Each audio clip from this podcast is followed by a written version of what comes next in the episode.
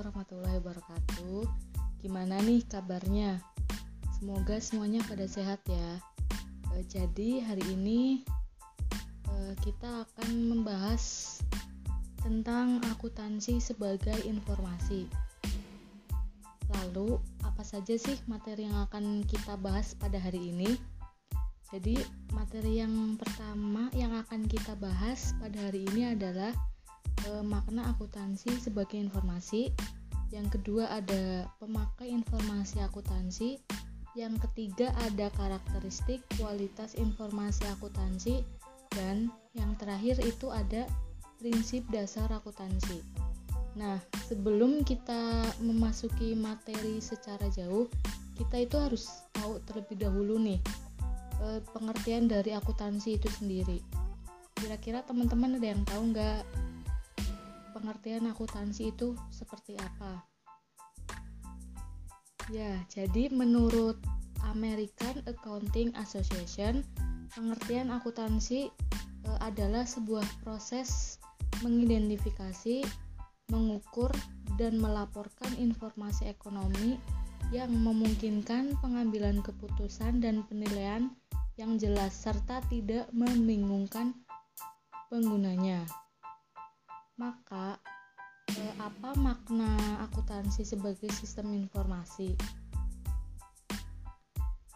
Menurut Jogianto, sistem informasi akuntansi itu sebuah bentuk sistem informasi yang merubah data transaksi menjadi informasi keuangan yang berguna bagi si pemakai atau usernya. Nah, lalu siapa saja sih pemakai uh, apa informasi akuntansi sendiri? Ada yang tahu enggak atau ada yang udah pernah baca buku? Atau jurnal-jurnal atau artikel yang lainnya? Nah secara umum secara umum itu uh, pemakai informasi akuntansi itu dibagi menjadi dua kelompok besar. Kelompok yang pertama itu ada internal perusahaan Nah, internal perusahaan ini terdiri dari manajer atau pimpinan perusahaan dan kepala bagian yang menggunakan informasi si akuntansi. Nah, lalu mengapa sih pimpinan perusahaan ini itu membutuhkan informasi akuntansi? Buat apa mereka membutuhkan info akuntansi? Jadi, pimpinan perusahaan itu membutuhkan informasi akuntansi untuk beberapa tujuan. Tujuan yang pertama itu untuk perencanaan. Jadi berdasarkan informasi ekonomi yang tepat, terus dapat disusun rencana yang baik untuk tingkat berikutnya. Lalu yang kedua ada pengendalian. Setelah rencana disusun, kemudian penerapan sistem akuntansi yang baik dapat mengontrol jalannya perusahaan. Lalu yang ketiga ada pertanggungjawaban, yaitu bahwa laporan keuangan yang sudah disusun itu dilaporkan ke pihak internal. Untuk apa? Untuk mendapatkan penilaian.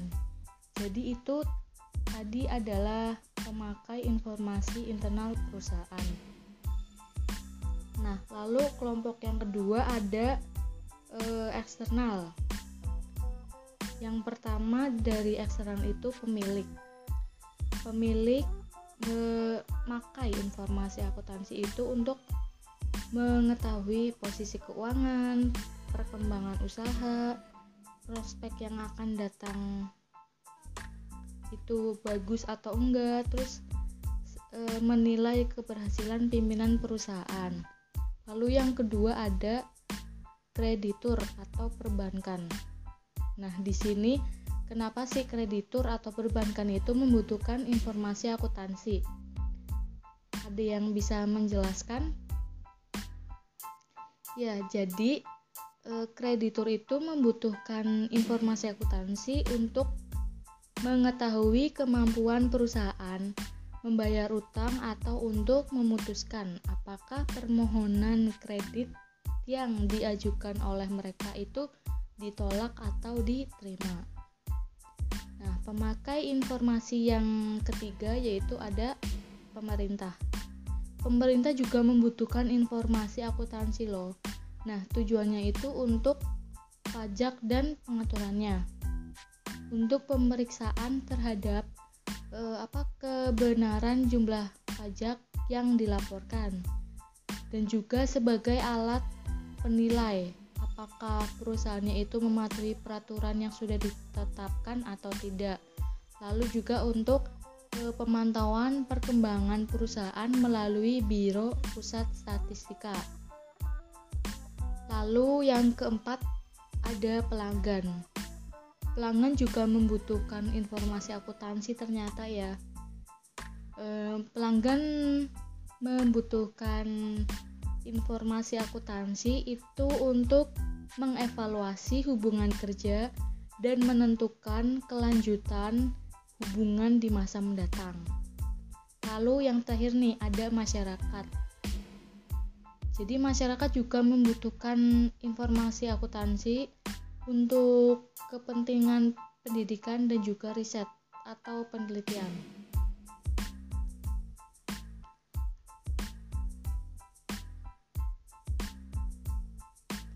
Jadi eh, materi yang tadi saya jelaskan itu mengenai siapa saja yang menggunakan eh, informasi akuntansi. Yaitu ada di antaranya ada sistem informasi yang memberikan laporan keuangan kepada pihak-pihak yang berkepentingan.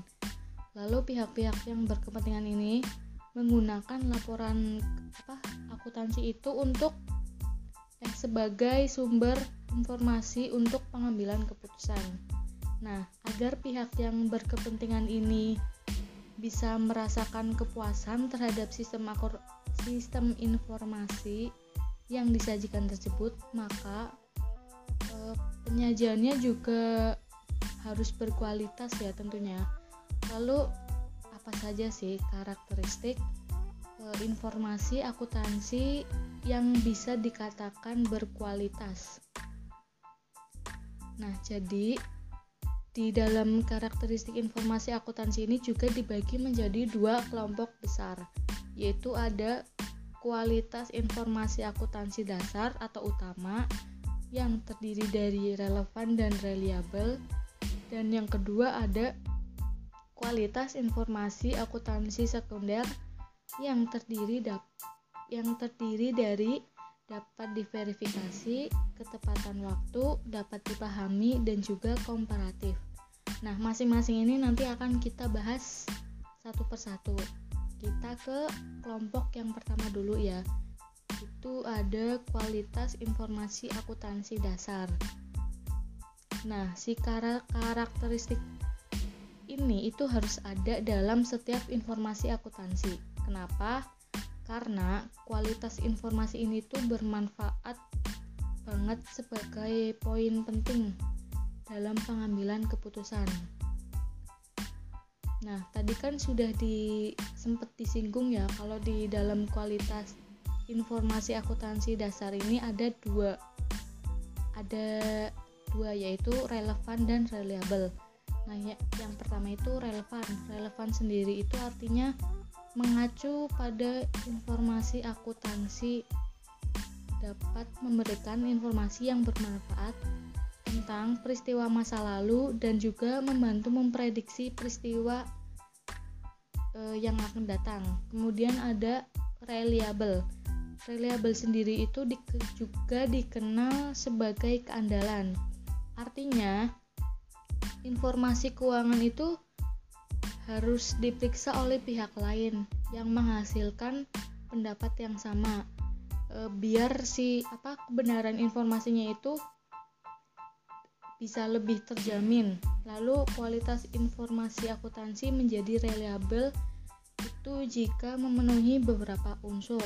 Nah, unsur yang pertama itu ada unsur lengkap yaitu di mana laporan keuangan itu tidak boleh mengecualikan transaksi apa pun dan semua informasi yang penting tersaji sesuai e, kriteria penyajian secara wajar. Lalu yang kedua ada unsur netral.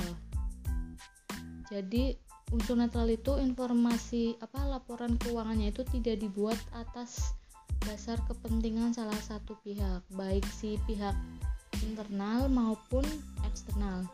Lalu yang ketiga ada unsur bebas dari kesalahan.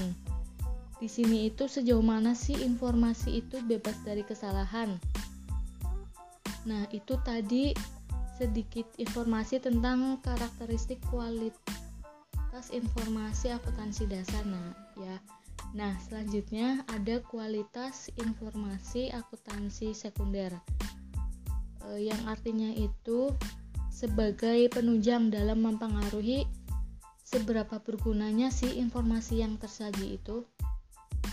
Nah, di dalam kualitas informasi akuntansi sekunder ini ada empat poin. Ada empat poin sih.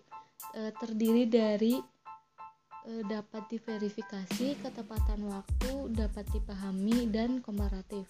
Yang pertama ada dapat diverifikasi atau yang sering disebut juga sebagai objektif yaitu e, laporan keuangan itu harus e, bisa diverifikasi oleh akuntan yang lain dengan metode yang sama dan bis, dan bisa diuji juga. Lalu yang kedua ada ketepatan waktu. Artinya penyajian informasi keuangan itu harus tepat waktu agar apa? Ya agar pengambilan keputusannya itu juga bisa dilaksanakan pada waktu yang sudah direncanakan gitu. Terus e, kualitas informasi akuntansi sekunder yang ketiga ada e, dapat dipahami. Artinya suatu apa informasi akuntansi itu harus bermanfaat bagi si pengguna informasi dan juga bisa dipahami dengan baik. Lalu yang terakhir ada komparatif Artinya, itu e, informasi keuangan dapat berguna dalam pengambilan keputusan itu harus bisa dibandingkan antar periode dan antar usaha. Jadi itu tadi tentang apa kualitas informasi akuntansi sekunder. Kita lanjut ke materi yang berikutnya yaitu ada prinsip dasar akuntansi. Nah, prinsip akuntansi ini berlaku umum e, merupakan prinsip dasar yang digunakan sebagai pedoman dalam melaksanakan proses akuntansi.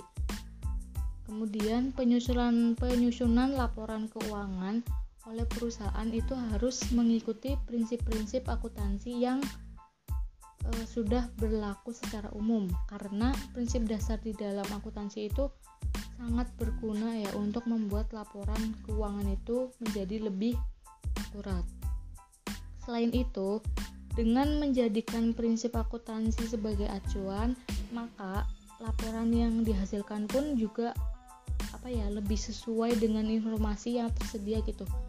Jadinya tuh eh, laporan keuangan yang yang sudah didusun yang sudah disusun berdasarkan prinsip-prinsip akuntansi tersebut memungkinkan si pemakai laporan keuangan itu e, apa bisa membandingkan perusahaan satu dengan yang lainnya. Nah, prinsip dasar dalam akuntansi itu diatur oleh Ikatan Akuntansi Indonesia. Ikatan Akuntansi Indonesia sendiri e, adalah badan ya yang mengatur peraturan dan kebijakan akuntansi yang ada di Indonesia. Jadi berdasarkan apa Ikatan Akuntansi Indonesia itu ada 10 prinsip dasar akuntansi. Prinsip yang pertama itu ada e, entitas ekonomi. Artinya, sebuah perusahaan itu diartikan sebagai e, satu kesatuan atau sebuah kesatuan usaha yang berdiri sendiri. Dengan kata lain, aset yang dimiliki oleh sebuah perusahaan itu harus dipisah dengan aset milik pribadi. Lalu yang kedua ada eh, periode akuntansi. Penilaian dan pelaporan keuangan sebuah perusahaan itu harus dibatasi oleh periode periode waktu tertentu. Dan yang ketiga ada prinsip satuan moneter. Jadi di prinsip satuan moneter ini pencatatan transaksinya itu hanya dinyatakan dan diukur dalam bentuk mata uang. Lalu yang ke empat ada kesinambungan usaha, yaitu usaha usaha akan berjalan secara konsisten dan berkesinambungan tanpa adanya pemberhentian usaha. Prinsip yang kelima ada biaya historis. Biaya historis itu artinya pencatatan keuangan sebuah barang berdasarkan pada eh, apa berbagai biaya yang dikeluarkan untuk mendapatkan barang tersebut. Lalu prinsip yang keenam ada pengungkapan penuh. Artinya, di dalam menyajikan informasi, laporan keuangan itu harus mempunyai prinsip e, pengungkapan informasi secara penuh. Jika ada informasi yang tidak dimuat di dalam laporan keuangan, maka kita bisa menulis keterangan tersebut berupa catatan kaki atau lampiran. Lalu yang ketujuh ada Eh, pengakuan pendapatan. Artinya pendapat pendapatan muncul karena adanya kenaikan keuangan yang diperoleh dari sebuah aktivitas usaha. Contohnya itu seperti e, penjualan. Lalu pendapatan diakui itu ketika adanya kepastian mengenai kenaikan volume pemasukan yang diperoleh dari transaksi penjualan. Nah, prinsip yang ke-8 ada prinsip mempertemukan. Yang dimaksud dari prinsip ini adalah e, biaya yang dipertemukan dengan pendapatan yang sudah diterima perusahaan. Jadi, hal ini memiliki tujuan untuk e, mendapatkan hasil mengenai besar atau kecilnya laba yang diperoleh. Lalu ada prinsip yang kesembilan, yaitu prinsip konsisten. Artinya, laporan keuangan itu tidak berubah dalam prosedur metode ataupun kebijakan yang ditetapkan oleh perusahaan. Hal ini e, memudahkan pihak perusahaannya untuk melihat dan membandingkan laporan keuangan yang dihasilkan pada beberapa periode sebelumnya. Kemudian, prinsip yang terakhir ada prinsip materialis materialitas. Dalam prinsip ini, Pencatatan dan pengukuran informasi dapat dilakukan secara material atau bernilai nominal. Prinsip ini juga menentukan apakah sebuah laporan keuangan perlu ditulis ulang atau hanya dikoreksi saja. Nah, jadi tadi adalah e, sedikit penyampaian informasi informasi tentang informasi akuntansi. Maaf, mohon maaf apabila ada kesalahan dalam penyampaiannya atau informasinya kurang jelas. Sekian dari saya. Wassalamualaikum warahmatullahi wabarakatuh.